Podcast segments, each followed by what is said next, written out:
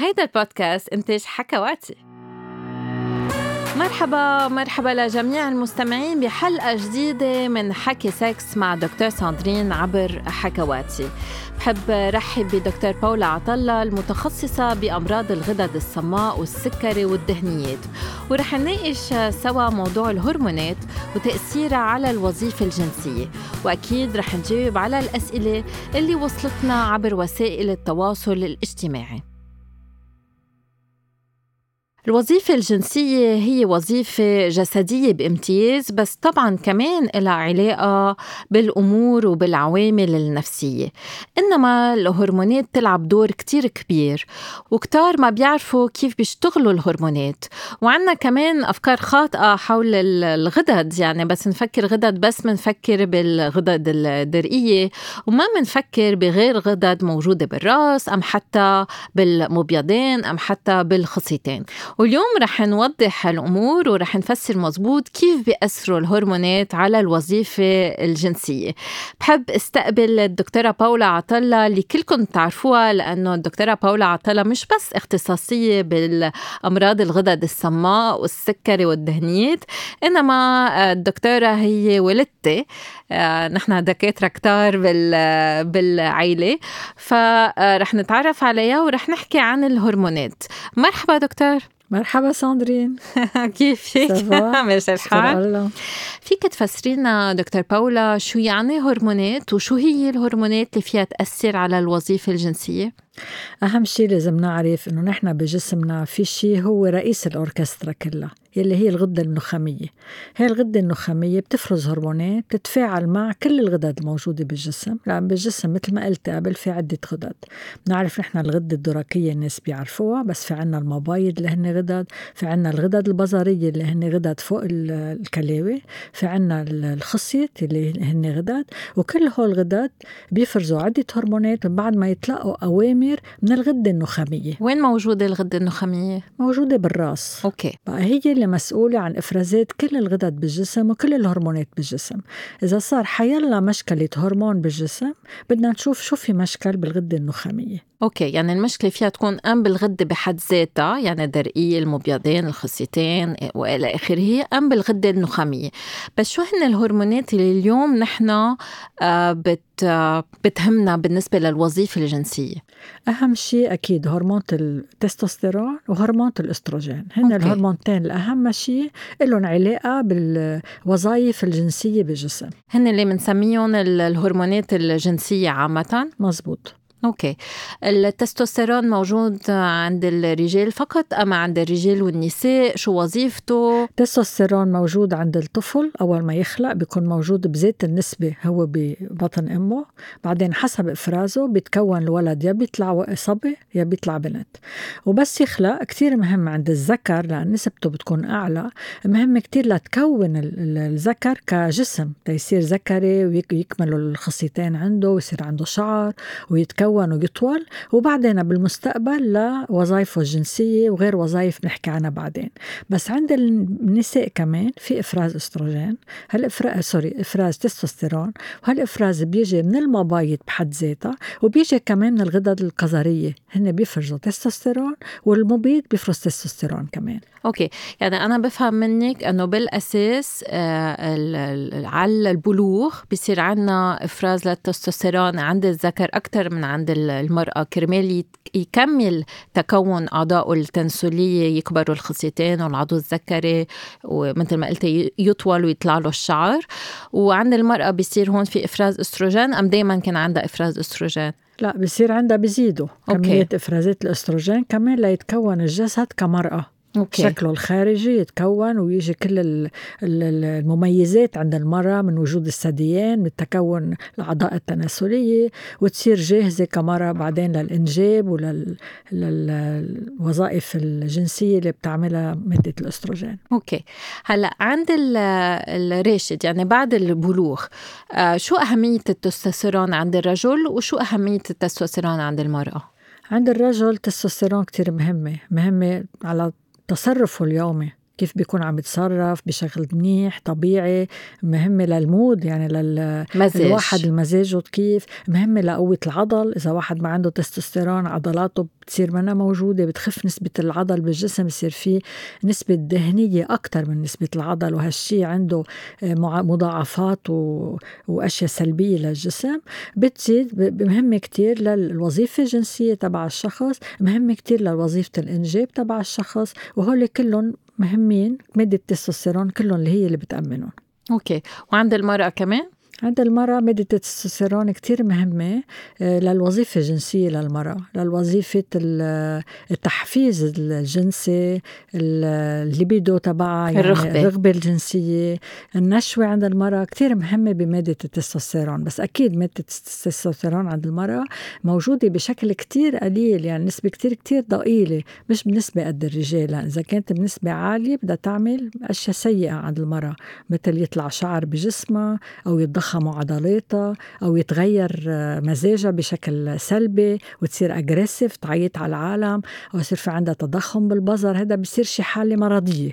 بس الإفرازات البسيطة الضئيلة هي مهمة كتير مشان العامل الجنسي عند المرأة.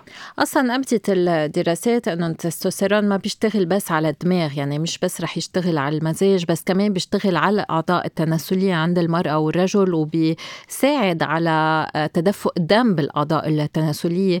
لذلك التستوستيرون بيلعب دور كتير مهم عند الرغبة عند الرجل عند الانتصاب آه، لدى الرجل وكمان آه، لإفراز السائل المنوي وعند الوصول للنشوة يعني قوة النشوة لها علاقة بمستوى التستوستيرون وعند المرأة بيلعب دور مهم للرغبة وللإثارة الجنسية مثل ما خبرتينا.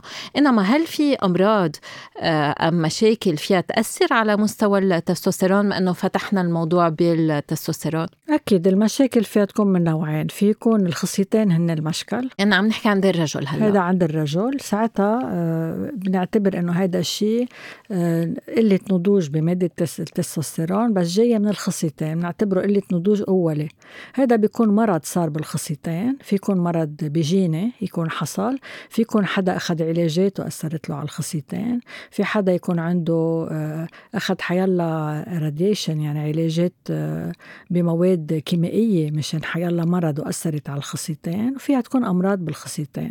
ساعتها التستوستيرون بتكون ما عم تنفرز. والحالة الثانية اللي هي بنعتبرها قلة إفراز تستوستيرون ثانوي بيكون الغدة النخامية هي اللي فيها مشكل وما عم تقدر تفرز الهرمونات يلي بتأثر على إفراز التستوستيرون من الخصيتين وساعتها بهالحالة كمان التستوستيرون ما منا موجودة ما عم تنفرز من الخصيتين وما عم تقدر تأدي واجبتها مثل ما لازم بالجن بشخص بالشخص اللي عنده إياه يعني عند الشخص اللي عم نحكي عنه. وكيف نعرف إنه هالشي عم بيصير؟ يعني هل في عوارض؟ هل الرجل بيعرف إنه عنده تدني بهرمون التستوستيرون؟ أكيد. في الواحد إذا عم نحكي بأمراض نخامية موجودة من من الأول يعني موجودة قبل البلوغ فيها تصير. بنقدر نعرف إذا الشاب ما صار عنده بلوغ أوكي. يعني هيدي وفيها تصير إذا صارت بعدين كان عنده بلوغ وصارت بحس على حاله الواحد إنه تغير. ما بقى عنده رغبة ما بقى عنده إثارة جنسية ما بقى عنده انتصاب عضلاته عم بخفوا آه، الدهن عنده عم يكتر عنده تعب بجسمه. أكثر شيء عامل التعب اللي هو بيخلينا نفكر عند رجل ما كان طبيعي إنه يمكن التستوستيرون افرازها واطي وأكيد كمية الشعر بجسمه بتخف يعني من الرجال صار يخفف كمية المر... نسبة الأيام بالجمعة اللي كان يحلق دقنه فيها مم. مثلا. هيدي شغلة بتقلنا إنه في نقص تستوستيرون. ساعتها لازم نطلب فحص دم لمادة التستوستيرون لنقدر نعمل التشخيص. بس فحص الدم لمادة التستوستيرون ما لازم ينعمل ابدا إلا إذا في عوارض.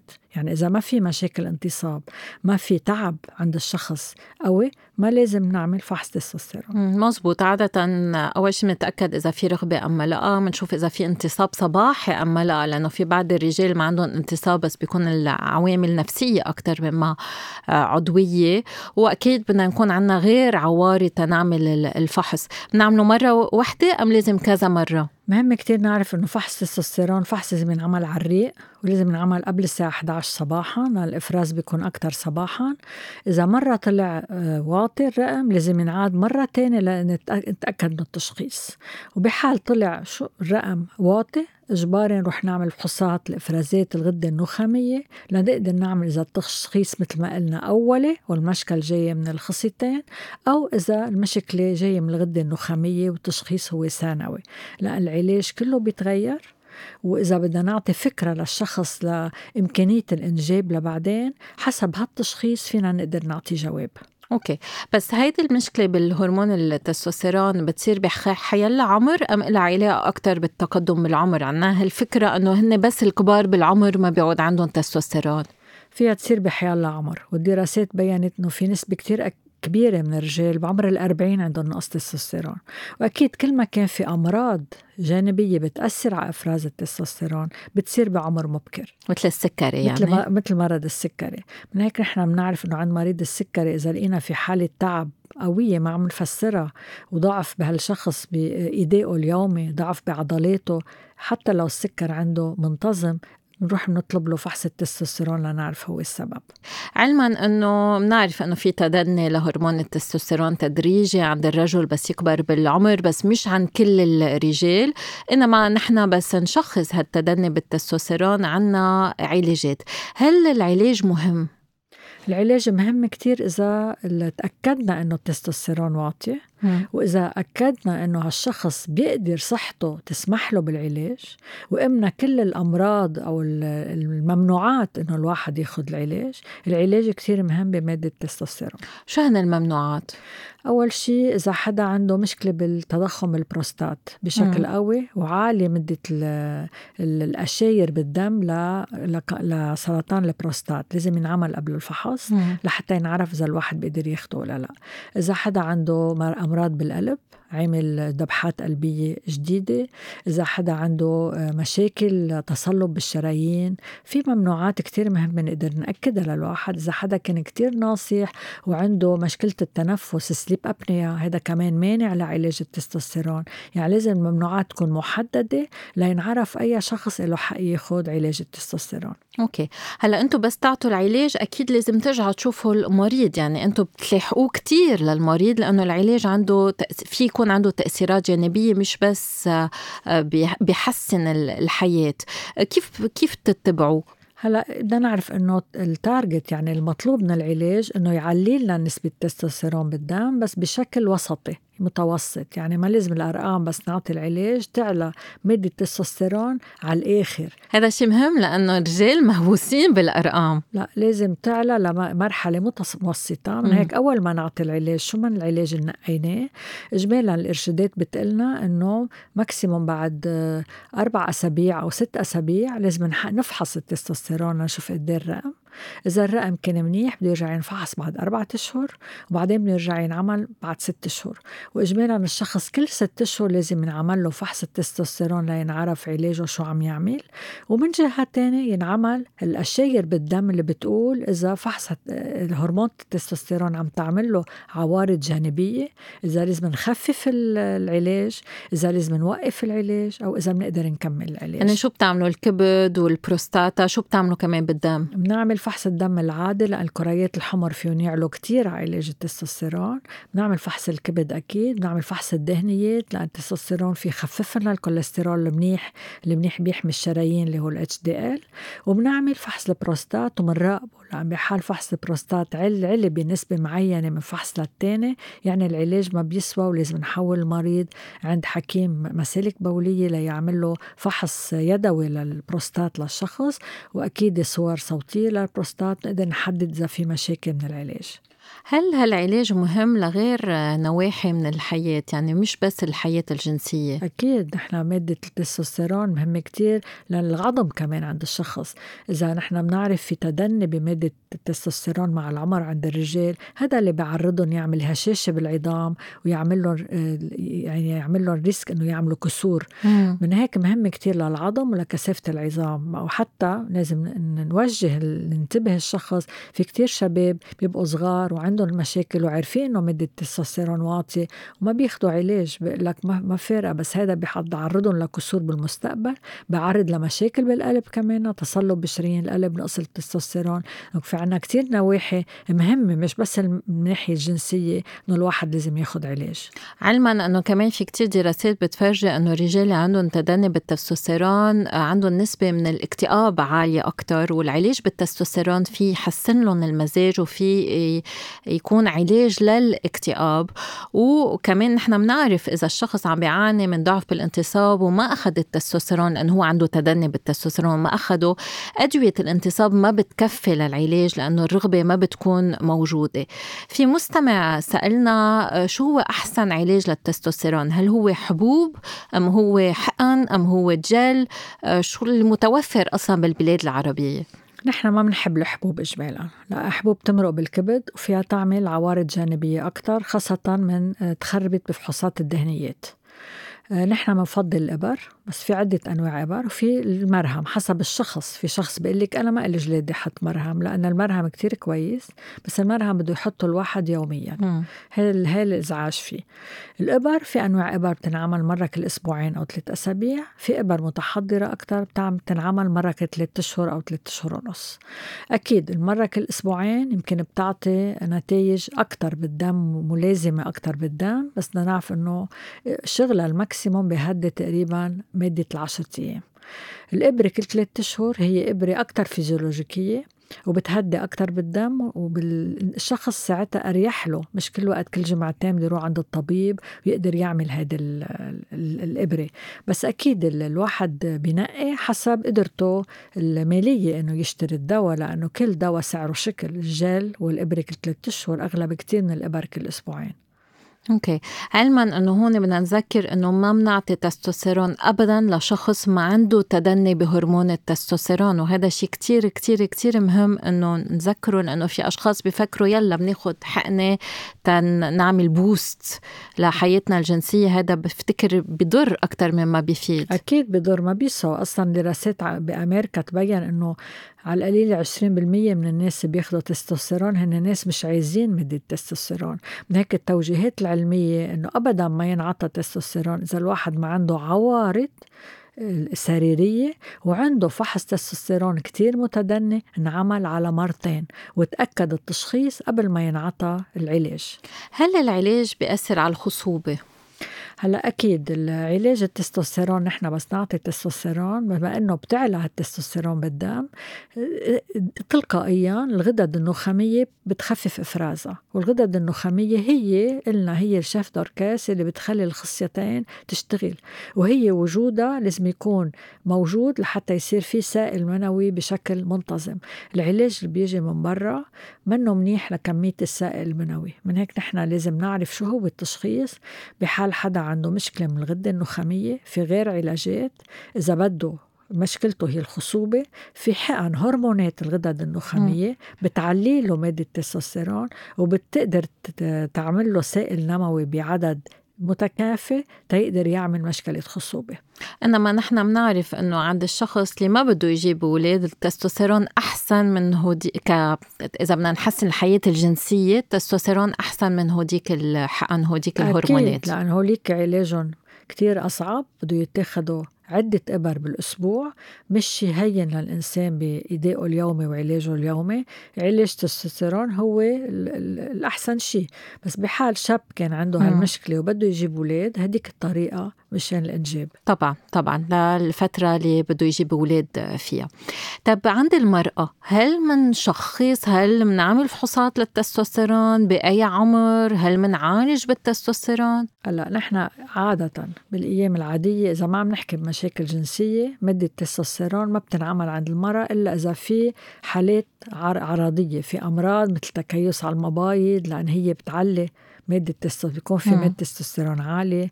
بيكون الست عندها مشكلة بالميعاد مع ميجيها تجيها العادة الشهرية لفترة زمنية. بيكون عندها آه، حبوب كتير على وجهها يعني الأكنة اللي بتصير حب الشباب بيكون في عندها شعر عم يطلع على جسمها أو بوجهها بنحلل لما التستوستيرون بس هلأ الحالة الثانية إذا في عنا تأثير على حياتها الجنسية للمرأة بس عادة بيقولوا الجمعيات العلمية بتقول هي بالعمر اللي بعد وقف الكايز. إيه بعد انقطاع الطمث. يعني بال menopause. مم. إذا المرأة ما عندها أبدا حياة جنسية ورغبة جنسية وجربوا غير علاجات وما مشيوا اللي هن علاجات ال menopause ساعتها فينا نحلل لمادة التستوستيرون. وإذا كانت كتير متدنية نقدر نجرب بالعلاج. بس هالعلاج بدنا نعرف إنه بده يكون مرحلة. بده يكون مرحلة بشكل كتير كتير قليل الكمية كمية العلاج. وإذا الست ما تحسنت بعد ست أشهر العلاج بيتوقف. العلاج ما بيتاخد وبحال اتاخد بيتاخد لما مدة زمنية ما بتتعدى السنتين. هيدي الجهات العلمية هيك بتوصي بس أكيد بينعمل فحص التستوستيرون عند المراه ببعض الحالات. هلا أصلا الدراسات بتفرجي إنه عادة مادة التستوستيرون نسبة للأستروجين تعلى بعد انقطاع الطمس وهالحالات أكثر بنشوفها بس نعمل استئصال للمبيضين بحالات سرطانية وبهالحالات آه، بيستفيدوا أكثر بكثير إذا بنعطيهم أستروجين وتستوستيرون بالنسبة للحياة الجنسية وخاصة إنه عم تجي أبكر بكثير مما إذا صار في انقطاع الطمس بطريقة طبيعية. آه، بما أنه حكينا عن التستوستيرون إن في عنا هرمون جنسي تاني هو الأستروجين آه، الأستراديول يعني. هل هيدا الهرمون موجود عند الرجال؟ بما أنه بلشنا بالرجال. هلا الرجال فيهم التستوستيرون اللي بيفرزوها فيها تتحول عندهم لمادة الأستروجين. يعني بتجي الأستروجين من تحول بالأعضاء وخاصة بالمادة الدهنية تبع الجسم تتحول لمادة الأستروجين وهي مهمة ومعروفة. بس لازم تكون بشكل متناسب بالنسبة لمادة التستوستيرون. لأن إذا الأستروجين صارت أعلى من التستوستيرون كمان بصير في عندهم مشاكل بالرغبة الجنسية بصير في عندهم آه، عوارض آه، سنوية كمان موجودة بجسمهم ما ما بيكونوا حابين يكون عندهم إياها. من هيك زيادة السمنة أم البدانة هي بتخفف من التستوستيرون وبتعلي من الأستروجين عند الرجال وفيها تسبب مشاكل جنسية عند الرجال. من هيك بنطلبها إذا في زيادة آه، زيادة وزن عادة عند الرجال. لأن زيادة الوزن بتأثر كتير على التستوستيرون بالجسم لأنه في عنا التستوستيرون عادة بالدم. هي بتمشي معلقة بمادتين مادة الألبومين والجلوبولين. وبس نكون نحن عنا كتير مواد دهنية بتخف المواد الجلوبولين تبع الهرمونات الجنسية اللي بتتلقط التستوستيرون بالدم. من هيك مادة التستوستيرون كتير بتتأثر وكتير بتخف عند الناس عندهم زيادات وزن. أصلا صار في دراسات خاصة دراسات جديدة عملوا بال 2018 عند ناس كان عندهم زيادة وزن كتير كتير قوية وتستوستيرون واطي ونعمل لهم عمليات جراحية مثل تصغير المعدة وأشياء من هالنوع. وشافوا إنه بعدين كمية التستوستيرون تبعهم بس ضعفوا هالأشخاص عليت كمية التستوستيرون رجعت لشكل طبيعي. أوكي. يعني الواحد يضعف مهم كرمال كمان يرجلج التستوستيرون عنده بالنسبة للأستروجين عند النساء شو دوره؟ هل عنده دور بالرغبة أم أكتر بالترطيب؟ هل عادة بنعمل له فحوصات؟ يعني فينا نحكي شوي عنه أكتر؟ الاستروجين أكيد دوره إن كان بالرغبة إن كان بالترطيب بالإيداء تتجي الدوره الشهرية مشان الخصوبة دوره مشان كثافة العظام مشان تضم الوحدة أنثى وشكلها يكون أنثى إذا ما كان موجود. كل شيء بيروح بالجسم. الثديان بدوبوا بصير في نشاف بالمنطقة الجنسية وبصير في عنا مشاكل بالمزاج بصير في عنا هبات سخنة بصير في عنا كتير مشاكل. وإذا بحال اختفت مادة الاستروجين لازم نعرف ليه كمان.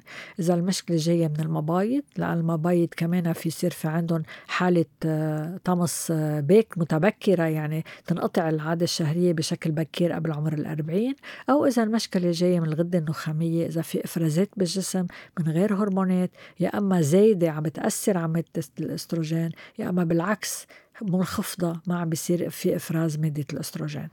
أصلا رح نعمل حلقة متخصصة بانقطاع الطمس وبدور الأستروجين بس بما إنه عم نحكي عن الغدة النخامية وفي عنا هرمون بتفرزها هالغدة النخامية في كتار مش عارفين أنها موجودة اللي هي هرمون الحليب أم البرولاكتين اللي فيها تسبب كتير مشاكل جنسية. فيك تحكينا شوي عنها وكيف بتبين وشو أسبابها؟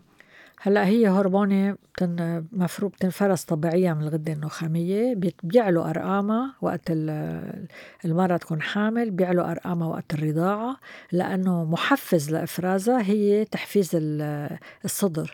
كل شيء في تحفيز بالصدر إن كان بالممارسات الجنسية وإلا بالرضاعة من الرضيع رح يصير في عنا بتعلى مادة البرولاكتين.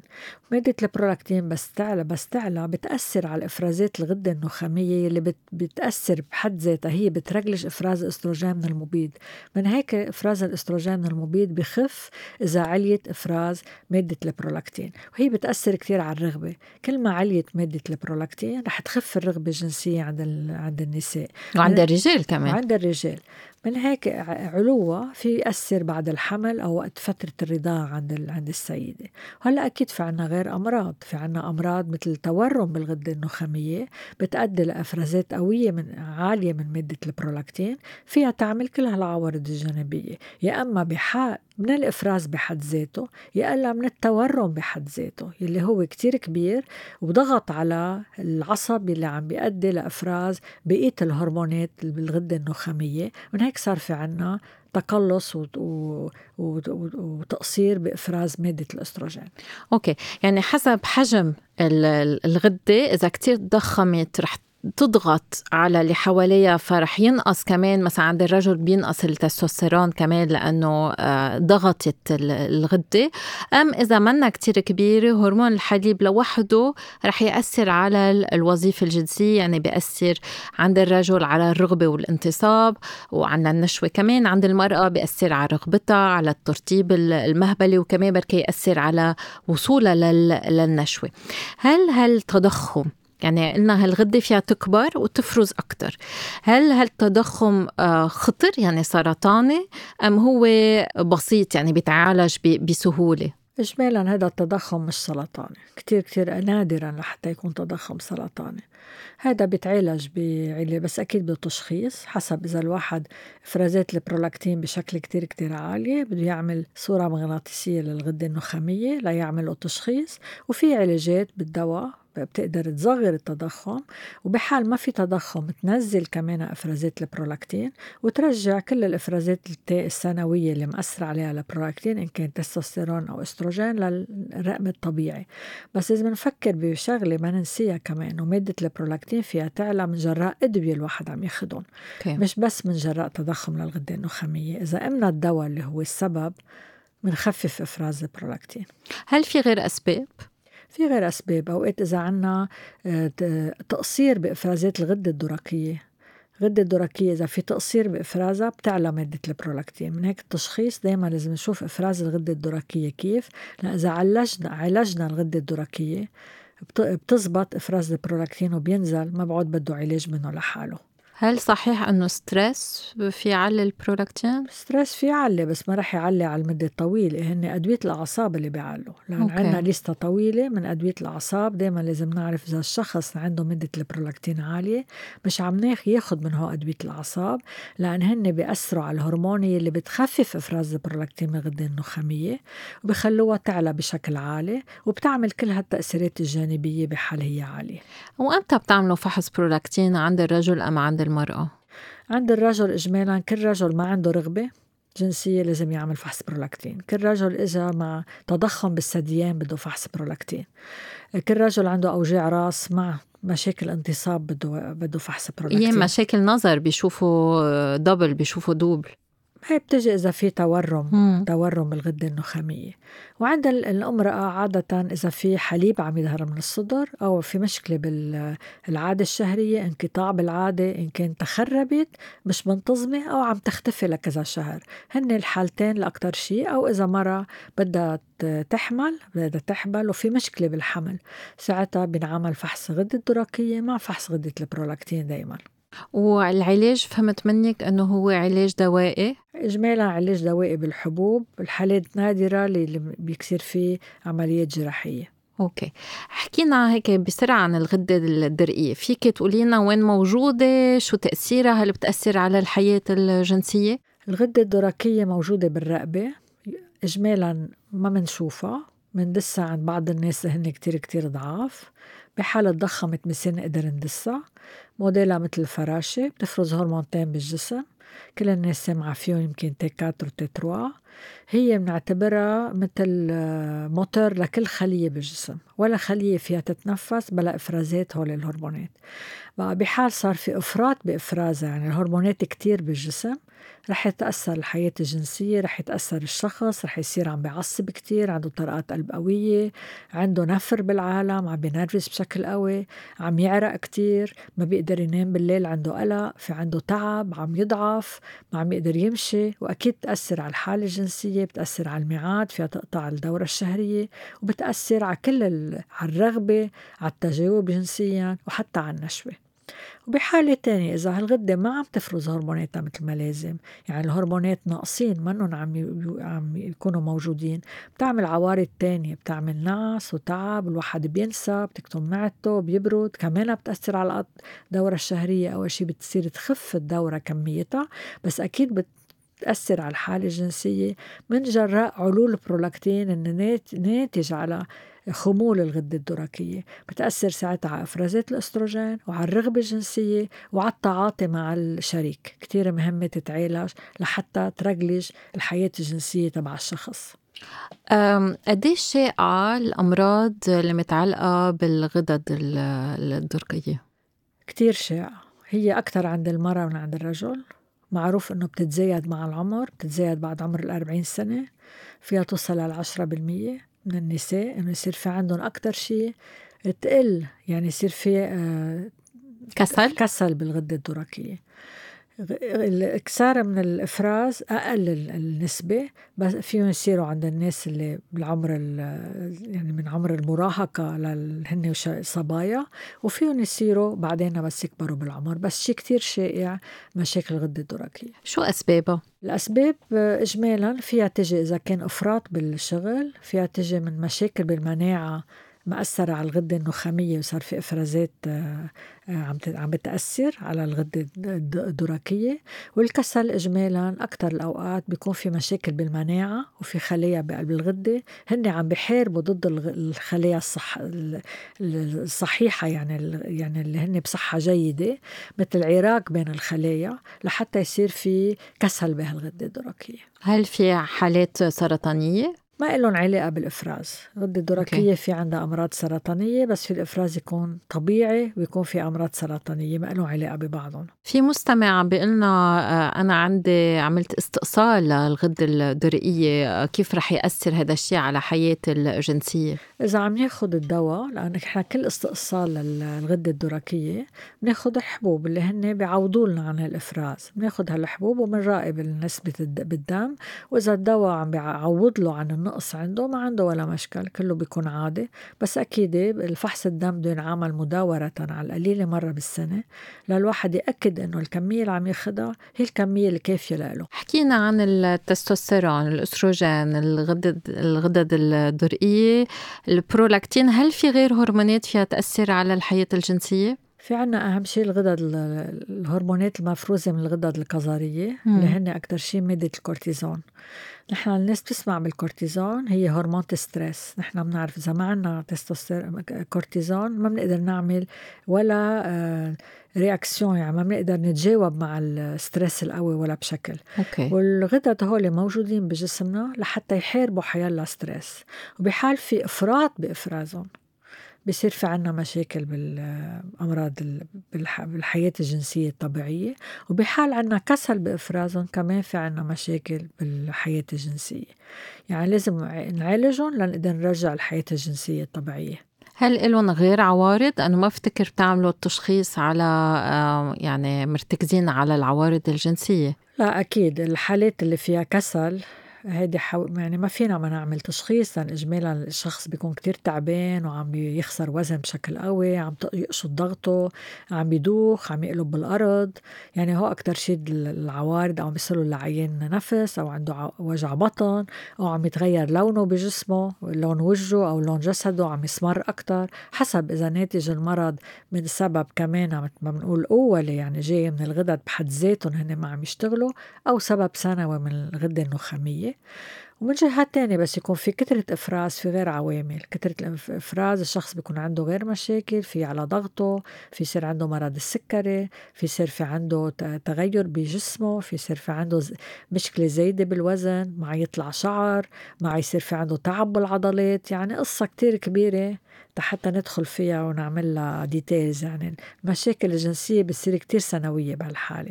لذلك أنا رح أعطي بعض النصايح للأشخاص اللي عم يسمعونا. أي متى لازم يروحوا عن طبيب مثلك متخصص بالغدد الصماء كرمال يفحص هرموناته.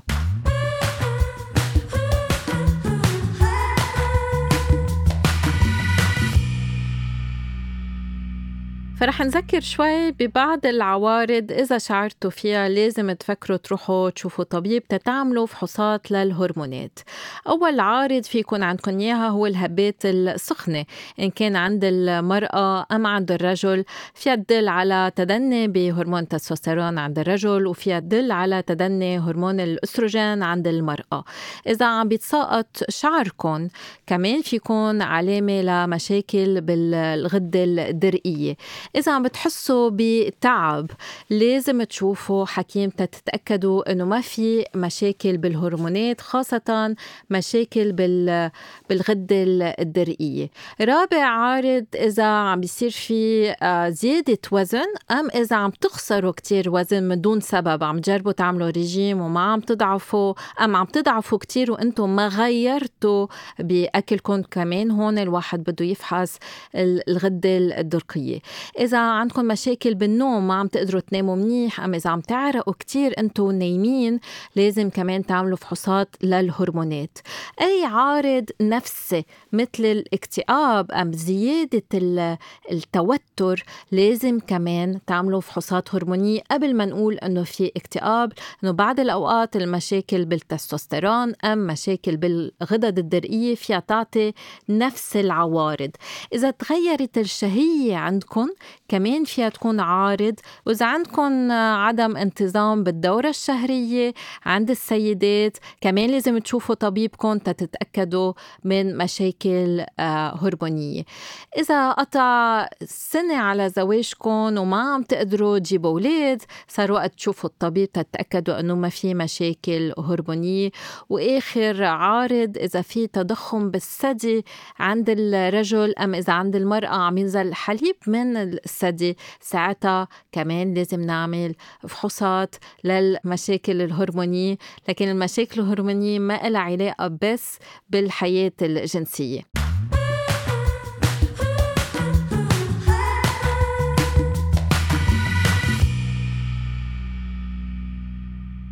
دكتور عطلة هل في شيء غير عارض لازم نزيده على هالليستا؟ النسي إذا الواحد بلش ينسى. بينسوا بينسوا أشياء بسيطة. الغدة الدرقية فيها تكون كسولة أشياء تبع كل يوم. شو رحنا نعمل بالمطبخ؟ شو مين تلفن لنا أشياء كتير بتجي قبل هر الشعر والتعب كمان. أوكي. آه هيدي مهمة. يعني الواحد ما بده يفكر دغري إنه عنده الزهايمر لا. بده يعمل فحوصات للهرمونات قبل. رح ننتقل للفقرة الأخيرة لحلقتنا هو أسئلة المستمعين. آه، في شخص عم يسألنا إذا الاضطراب بالهرمونات بيأثر على الميول الجنسية. وهون أنا رح جاوب لأنه بيجينا كتير هيك حالات بيقولوا أنا عندي ميول مثلية. هل بتفحصوا لي التستوستيرون أم الأستروجين؟ لا ما لها ولا أي علاقة بالهرمونات. هل علاج التستوستيرون خطير على البروستاتا؟ حكيت أنه لازم نفحص البروستاتا. هل هو بيعمل سرطان؟ إذا كان في سرطان والواحد منه عارفه بيزيدوا وإذا فحص المراقبة بيقولوا إذا علي فحص البروستات أكثر من واحد فاصلة أربعة بالنسبة للفحص اللي قبل ما الواحد يبلش العلاج لازم نشوف حكيم مسالك بولية في امرأة بعتت لنا آه، رسالة عم بتقلنا إنه أنا عندي تكيس بالمبيض إنما عندي الرغبة زايدة هل هالشي متعلق بمشكلة المبيض؟ فيكون إذا لأن تستوستيرون عالية عندها كل تكيس بالمبيض في نسبة تستوستيرون عالية فيكون رغبة زايدة okay. لأنه في دراسات بتفرجي إنه في بعض النساء لأنه بحسوا حالهم ناصحين أم في شعر على وجههم أم في حبوب بتقل الرغبة عندهم من وراء الصورة الجسدية. ام إذا صار في مشاكل بالدورة الشهرية كمان آه، بتقل الرغبة عندهم. بس في بعض النساء بتعلى الرغبة عندهم. إنما هذا مش مشكلة يعني ما بنعتبرها مشكلة. بس أكيد لازم يكون في علاج للتكيس بال أكيد. بالمبيض هل الإمتاع الذاتي القهري يعني ال masturbation ام العادة السرية الزايدة آه بيأدي على اضطرابات بالهرمون؟ ما إلها علاقة. ما إلها علاقة وهيدي لازم نذكر كل المستمعين لأنه كتار بيجي هالسؤال لا الإمتاع الذاتي ما رح يأثر على التستوستيرون. هل في مكملات غذائية أم بروتينات فيها تزيد نسبة التستوستيرون؟ هذا سؤال كتير بيجينا من الشباب. ما بفتكر الأكل له علاقة. لازم واحد ياكل أكل متوازن مشان صحة جيدة لأنه هو هرمونات بدهم الواحد تكون صحته جيدة لأن ما ننسى كل ضعف أو خسارة وزن قوية مثل ما كل الواحد ينصح بشكل قوي كل هرمونات الجسم بيتأثروا. فيها غدة النخامية توقف تشتغل completely ما تعود تفرز ابدا إذا البنت أو الشاب خسر وزن بشكل قوي أو عمل رياضة مكثفة. okay. كله هيدا بيأثر على الافرازات الأكل مهم يكون منيح. هل مرض الضغط بيأثر الضغط العالي بيأثر على الهرمونات؟ هن العلاجات تبع الضغط في يأثروا مش على الهرمونات فينا يأثروا على الأداء الجنسي. في okay. بعض الأدوية بتأثر على الأداء الجنسي. بعدين ما ننسى ننسى مرض الضغط ما بيجي لحاله بيجي معه غير أمراض يا أمراض دهنيات يا أمراض سكري يا أما زيادة وزن. بتصير عدة عوامل فيها تأثر على الإيداء الجنسي وعلى الهرمونات. أوكي. في امرأة عم بتقلنا طلع لي شعر على الثدي عن جديد. هل السبب هرموني؟ فينا نفحص الهرمونات أكيد ما مفروض يطلع شعر بجديد بينفحصوا الهرمونات لينعرف إذا في مشاكل. لذلك أنا بحب كمان أذكر كل النساء اللي عندهم شعر زائد قبل ما تروحوا تشيلوا الشعر بالليزر دايما روحوا عند طبيب النساء أم طبيب الغدد تتعملوا فحوصات الهرمونات. بعد الأوقات العلاج ما بيعوز ليزر بضل بيكون علاج هرموني. مزبوط دكتور؟ علاج بالليزر أو بالكهرباء دايما متمم للعلاج الهرموني. لأن العلاج الهرموني في ساعد بس عايزين هوديك العلاجات كمتمم أكيد. okay. هل تعاطي الهرمونات وهي رح نعمل حلقة عنها مع دكتور روان لأنه حكيتنا كتير عن الموضوع هل تعاطي الهرمونات لاعبي كمال الأجسام بيأثر على الوظيفة الجنسية؟ أكيد بخففها وبخفف مادة التستوستيرون عند الشخص وبأثر على الإنجاب هودي كتير خطيرين م. طيب دكتور باولا هل عندك رسالة أم حابة تقولي شيء معين بالنسبة للهرمونات لكل مستمعينا؟ يعني الهرمونات كتير مهمة بالجسم بيأثروا على كل شيء بيأثروا على الأعصاب تبعنا على المزاج تبعنا بيأثروا على إيدائنا اليومي بيأثروا على قوتنا بالجسم كيف بنمشي كيف بنروح كيف بننام كيف بناكل. يعني هن بيديرونا ما ننسى. إذا بدي أحكي غدة درقية كل خلية بالجسم متعلقة فيها. الغدة النخامية هي هون لترجلش كل شيء وهن بيتأثروا بكل عامل خارجي. كل ستريس قوي هبط علينا. كل مصيبة إجت على راسنا. كل شيء بيقدر يأثرنا على إفرازات هرموناتنا. ما نفتكر إنه آه ليه أنا هيك ليه جارتي هيك. في كتير عوامل نفسية بتأثر علينا وبتأثر بتعمل اضطرابات كتير قوية بالهرمونات لأن الهرمونات إفرازها شيء كتير دقيق. يعني بدها يكون كل الأجواء متكاملة وظابطة وارتياح تام لتكون إفرازاتها منتظمة. هي إذا ما إجوا أمراض من برا أو مشاكل بالجينات أو أشياء تخربت في الجينات بقلب الخلايا تتغير يصير الواحد عنده مشاكل. بس بهالحالات دكتور باولا هل العلاجات النفسية والطبيعية بتفيد؟ أم في حالات بتفيد. لأن إحنا بنعرف إنه في حدا من stress القوي في سيدات فرد مرة العادة الشهرية بتقطعهم وما بتعود تجي لأن صار في توقف آه، سريع بإفراز الغدة النخامية بتصير هالشي من stress قوي. أكيد الراحة وال... ويمكن اليوغا أو بعد العلاجات يمكن تكون علاجات مساعد مساعد مش بالأدوية بالحبوب تقدر تساعده للشخص 100% هذا شيء مهم يعني الواحد راحة البال مهمة. يعني العلاجات بتكمل بعضها بال... بالنهاية. بدي أشكرك دكتور بولا هيك تنتهي اليوم حلقتنا وبدي أشكر كل مستمعينا بانتظار حلقة جديدة ما تنسوا تسمعوا لكل الحلقات القدام ما تنسوا تبعتوا كل أسئلتكم بخانة التعليقات وأكيد ما تنسوا تشتركوا بالبودكاست. bye bye.